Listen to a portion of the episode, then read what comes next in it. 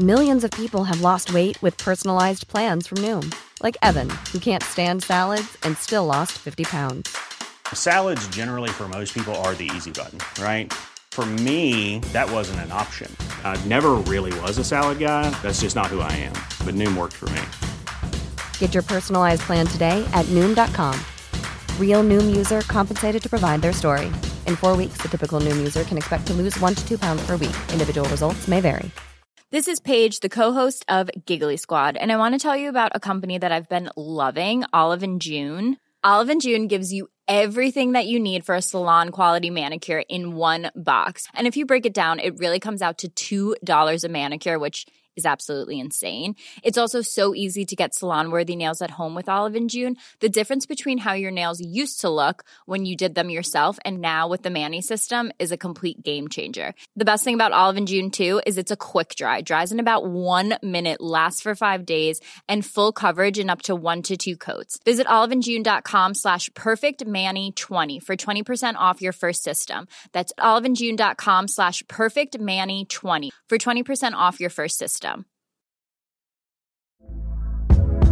Hey there, it's Michelle Norris. I'm host of a podcast called Your Mama's Kitchen. When I travel, I'm usually looking for a way to find a taste of home when I'm not at home. And one of the things I love to do when I am at home is entertain. And Airbnb allows me to do that. When I was in California recently, I rented a house that had a great kitchen. And when we were sitting around the table, we were all thinking, we're in someone else's house. Someone could be in all of our homes as well. If you have a home, but you're not always at home, you have an Airbnb. Your home might be worth more than you think. Find out how much at airbnb.com/slash host. Du presenteras nu för obekräftad information. I avsnittet får du höra om konspirationsteorier och varför vissa människor tror på dessa. Var därför kritisk till materialet som bygger på fiktion, åsikter och vinklad fakta. Podcasten kan inte ses som en trovärdig källa. The last time anyone saw Susan Streeter or Stacy McCall was over the weekend at this house in Battlefield. There was glass on the porch. Cars are there and their purses are there, and it's all very strange. And I thought, why would they leave their front door unlocked? There was a obscene phone call.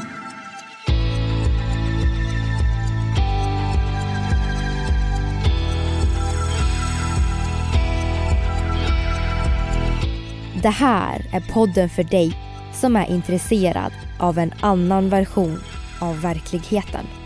En version som tar upp alternativa teorier, mystiska sammanträffanden och diskussioner om vad som kan vara sant. Mitt namn är Vivi.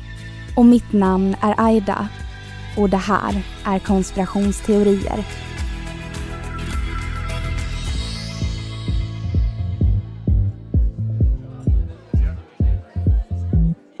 Lördagen den 6 juni 1992 var en mycket speciell dag för vännerna Stacy McCall och Susan Streeter. Eller Susie som hon alltid kallas. Tjejerna hade tagit studenten och lördagskvällen firades med olika fester. Planen var egentligen att åka till stan Branson, en 45 minuters bilresa från Springfield och ta in på hotell över natten. Morgondagen skulle tillbringas på den enorma vattenparken Whitewater. Men under kvällen bestämde sig tjejerna för att strunta i planerna. De skulle åka imorgon istället och kom överens med vännen Janelle att höras av tidigt på morgonen för att planera resan. Runt klockan två på natten lämnade Stacy och Susie Janelles hem för att åka hem till Susie och sova. Söndagsmorgonen den 7 juni 1992 står det enkla Vita huset på 1717 East Delmar Street tomt. Stacy, Susie och hennes mamma Cheryl Levitt var nu spårlöst försvunna. Timmar blev till dagar, dagar blev till veckor, som blev till år. Idag har 30 år passerat och vi har fortfarande inte sett ett spår av kvinnorna. Fallet har fått enormt mycket uppmärksamhet. Vad det var som hände under den natten är det ingen som vet. Och det ska vi prata om idag när vi ska diskutera en konspirationsteori om The Springfield 3, ett av USAs största olösta fall.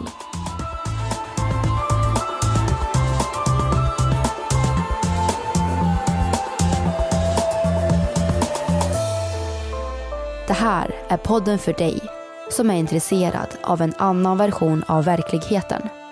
En version som tar upp alternativa teorier, mystiska sammanträffanden och diskussioner om vad som kan vara sant.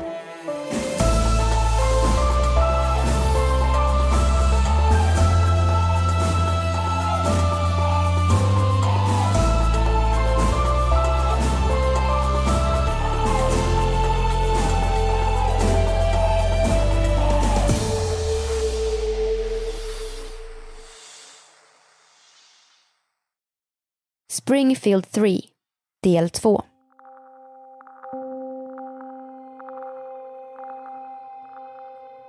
Eftersom alla personliga ägodelar fanns kvar i huset så antog polisen att det här inte handlade om ett frivilligt försvinnande.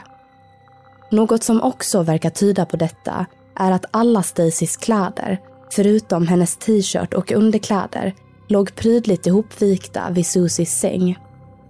Om någon vill lämna så görs detta oftast med kläder på kroppen. Men något som tidigt i utredningen bekymrade polisen var frågan hur en eller flera gärningsmän kan föra ut tre kvinnor ur ett hem utan några som helst spår av en strid eller ett inbrott. Det enda tecken som fanns på någon form av kamp var den trasiga kåpan på verandan som Janelle och Mike sopade ihop när de besökte huset. Vilken lika väl hade kunnat gått sönder om någon försökte byta lampa.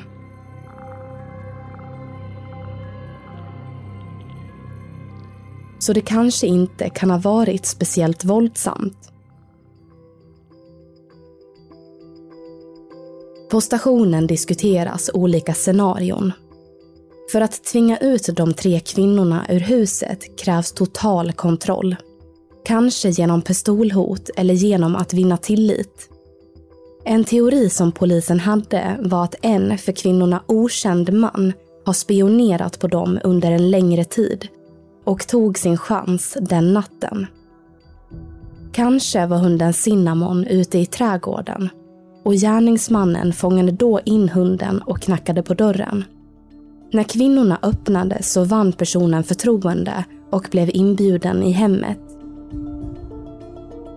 En annan teori som diskuteras är om en eller flera gärningsmän har klätt ut sig till en polis eller brandman eller möjligtvis låtsats vara från ett gasföretag och varnat om en läcka i huset och bett dem utrymma området. På så sätt kunde gärningsmannen leda kvinnorna i valfri riktning, kanske mot en skåpbil.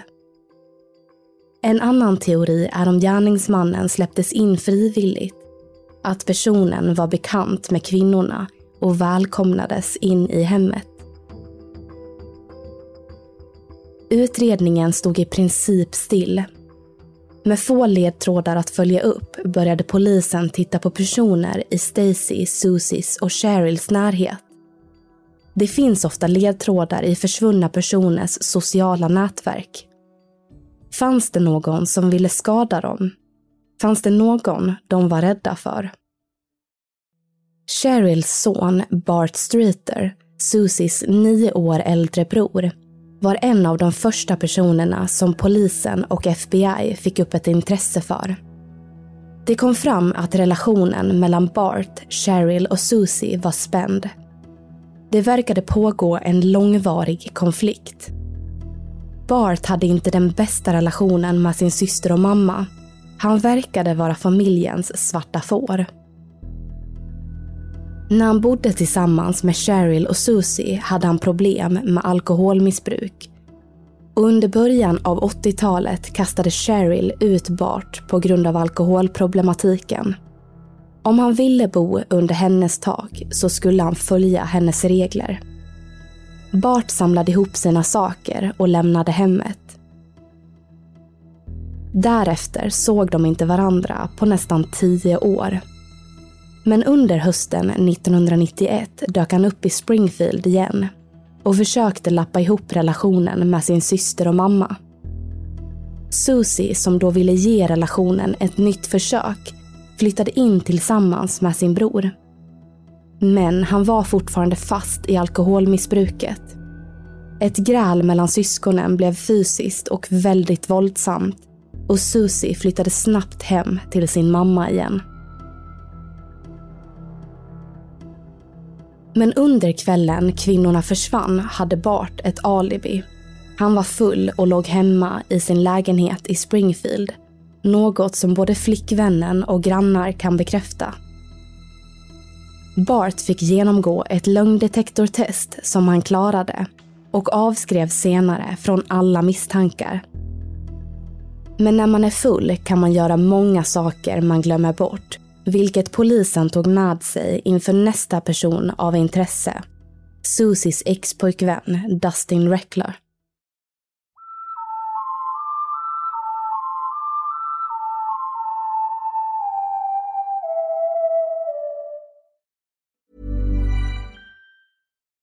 Life is full of what ifs. Some awesome, like what if AI could fold your laundry? And some, well, less awesome. Like what if you have unexpected medical costs? United Healthcare can help get you covered with Health Protector Guard fixed indemnity insurance plans. They supplement your primary plan to help you manage out of pocket costs. No deductibles, no enrollment periods, and especially no more what ifs. Visit uh1.com to find the Health Protector Guard plan for you. This is Paige, the co-host of Giggly Squad, and I want to tell you about a company that I've been loving, Olive and June. Olive and June gives you everything that you need for a salon quality manicure in one box. And if you break it down, it really comes out to $2 a manicure, which is absolutely insane. It's also so easy to get salon worthy nails at home with Olive and June. The difference between how your nails used to look when you did them yourself and now with the Manny system is a complete game changer. The best thing about Olive and June too is it's a quick dry, dries in about one minute, lasts for five days, and full coverage in up to one to two coats. Visit oliveandjune.com slash perfect Manny 20 for 20% off your first system. That's oliveandjune.com slash perfect Manny 20 for 20% off your first system. I'm Sandra, and I'm just the professional your small business was looking for. But you didn't hire me because you didn't use LinkedIn jobs. LinkedIn has professionals you can't find anywhere else, including those who aren't actively looking for a new job but might be open to the perfect role, like me. In a given month, over 70% of LinkedIn users don't visit other leading job sites. So if you're not looking on LinkedIn, you'll miss out on great candidates like Sandra. Start hiring professionals like a professional. Post your free job on linkedin.com/people slash people today.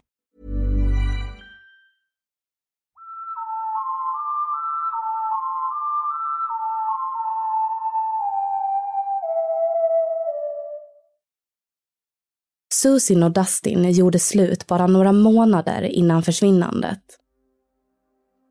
Anledningen till det var att Dustin och kompisen Michael Clay hade vandaliserat ett mausoleum, plundrat gravar och grävt upp lik för att sno guld från tandfyllningar som de senare skulle sälja vidare. Och det hade de gjort med Susies bil. Hon blev förbannad och gjorde slut direkt.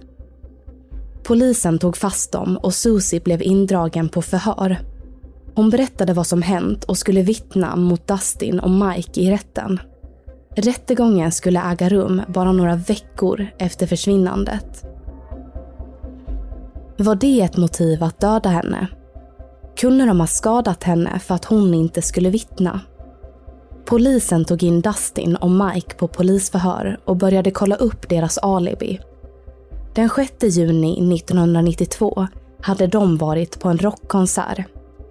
Det hade blivit för mycket alkohol och de hade somnat i en bil. Mike och Dustin förnekade all inblandning och till slut kunde polisen inte hålla dem kvar längre. Än idag har polisen fortfarande inte hittat något eller någon som kan bekräfta deras alibi. Polisen kollade även upp Cheryls tidiga kärleksrelationer. 1964 gifte sig Cheryl med sin första man, Brent Streeter. Den 9 mars 1973 födde Cheryl sin dotter Susie. Sex månader senare skilde sig paret. 1980 träffade Cheryl sin andra man, Don Levitt. Cheryl, Don och Susie flyttade från Seattle till Springfield. Äktenskapet blev inte som de tänkt sig och i slutet av 80-talet valde de att avsluta relationen. Don hade skulder som Cheryl blev indragen i. Därefter flyttade Cheryl och Susie in i det vita enkla huset på East Delmar Street bara två månader innan försvinnandet. Hade någon av dem varit inblandade? Handlade det om någon form av hämnd? Men enligt polisen verkade det inte speciellt troligt att varken Brent eller Don skulle fört bort kvinnorna. De började istället titta på Cheryls jobb. Cheryl var väldigt duktig karriärsmässigt. Hon arbetade som kosmetolog med hår, hud och nagelvård på den lokala salongen New Attitudes Hair Salon i Springfield. Det var hennes brinnande intresse som även fick Susie att vilja följa sin mammas fotspår. Cheryl hade otroligt många kunder, över 250 stycken. Och hon var oerhört duktig på salongen av både anställda och kunder. En teori som polisen därför började överväga var om det fanns någon i Cheryls kundkrets som kanske blev besatt av henne. Som kanske ville skada henne. Men som med övriga spår i fallet så ledde det ingen vart. En person som tidigt misstänktes ligga bakom bortförandet av Stacy, Susie och Cheryl var Robert Craig Cox, en dömd rånare, kidnappare och mördare. Polisen hade tidigt haft sina funderingar kring mannen. Vid tiden för försvinnandet bodde Robert Cox granne med Cheryl och Susie i Springfield. Robert hade flera jobb. Han arbetade som markarbetare och intressant nog även som bilmekaniker på samma arbetsplats som Stacys pappa. Enligt Robert Cox egna utsaga, som även bekräftades av hans flickvän, så befann sig paret i kyrkan tidigt på söndagsmorgonen den 7 juni 1992. Av någon anledning nöjde sig polisen med det här alibit, vilket kan tyckas lite märkligt eftersom vi vet att Cheryl, Susie och Stacy försvann någon gång under natten eller morgonen. Det verkar ju inte direkt omöjligt att Robert och hans flickvän han gå till kyrkan efter bortförandet. Polisen skrev i alla fall av honom från alla misstankar. Men under 1995 tipsade polisen i Florida om mannen som just då satt häktad i Texas för kidnappning och väpnat rån. Det nya tipset läckte ut i media och Robert Cox eventuella inblandning hamnade på alla släppar. När polisens intresse för mannen blev allmänt känt kontaktade Roberts ex-flickvän polisen i Springfield och berättade att det alibi hon gett Robert under kvällen var falskt. De hade inte alls varit i kyrkan. Hon sa bara det för att Robert tvingade henne. Men i själva verket hade hon inte en aning om vad han gjorde den natten.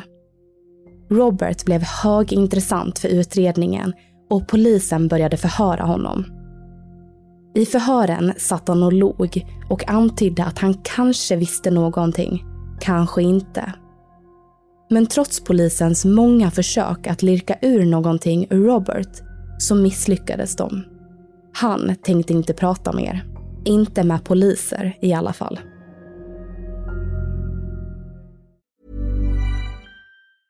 Planning for your next trip? Elevate your travel style with Quince. Quince has all the jet setting essentials you'll want for your next getaway. Like European linen premium luggage options, buttery soft Italian leather bags, and so much more. And is all priced at 50 to 80% less than similar brands.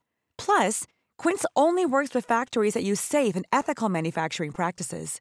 Pack your bags with high-quality essentials you'll be wearing for vacations to come with Quince. Go to quince.com/pack for free shipping and 365-day returns.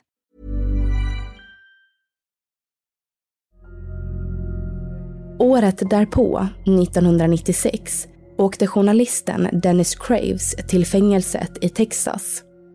Robert Cox berättade då att han visste att kvinnorna var döda och att deras kroppar låg begravda någonstans. Men de skulle aldrig återfinnas. Before eventually spending the night at his parents' house. The next morning, he brought his girlfriend and her child to church.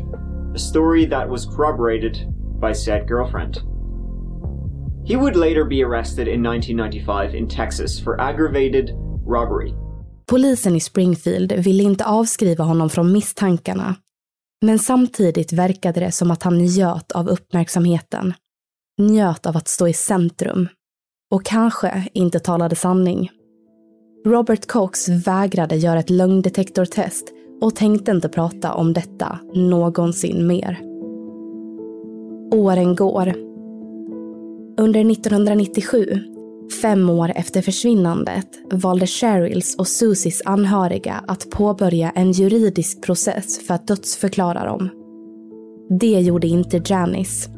Hon förstod att dottern förmodligen inte var vid liv längre, men vägrade ge upp hoppet. Inte förrän kroppen hade hittats. På femårsdagen för deras försvinnande, den 7 juni 1997, tillägnades en svart marmorbänk i Victims Memorial Garden till kvinnorna.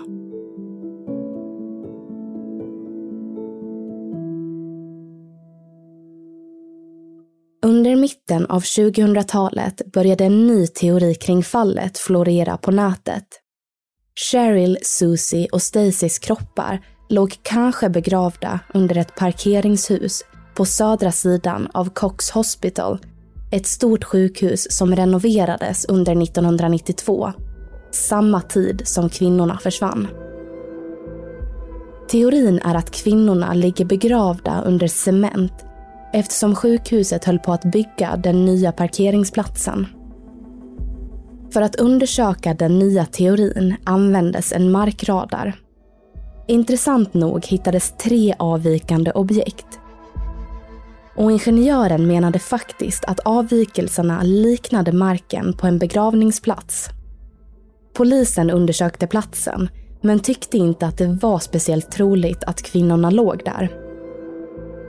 Det kan finnas andra saker i marken som ger utslag på en markradar än just kroppar. Och att gräva upp parkeringen skulle bli för tidskrävande och kostsamt, så det har aldrig gjorts. Under 2010 togs fallet återigen upp. En ny grupp tittade på fallet i två år. Vad de kom fram till vet vi inte. Det har aldrig offentliggjorts. Idag har det gått 30 år sedan Cheryl, Susie och Stacy spårlöst försvann. Polisen i Springfield har fått ofantligt med kritik för utredningen Kanske hade vi fått något mer svar på vad som hänt kvinnorna om de agerat på ett annat sätt. Många menar att de inte tog fallet på allvar och inte agerade tillräckligt fort. Utan snarare uppvisade ett ointressant och slappt tillvägagångssätt i utredningen. De har också fått kritik för öppenheten i utredningen. Att familj och media fick närvaro vid informationsgenomgångar har medfört en stor risk att gärningsmannen fått tillgång till mycket information gällande utredningen. Öppenheten gjorde även att tips från allmänheten bokstavligen strömmade in. Och dessa ledtrådar ledde ju ingen vart. Det blev bara slöseri med värdefull tid. Vissa tips var kanske till och med för att vilseleda kommer vi någonsin få veta vad som hände den natten? Vad som hände med The Springfield 3? Vad tror du?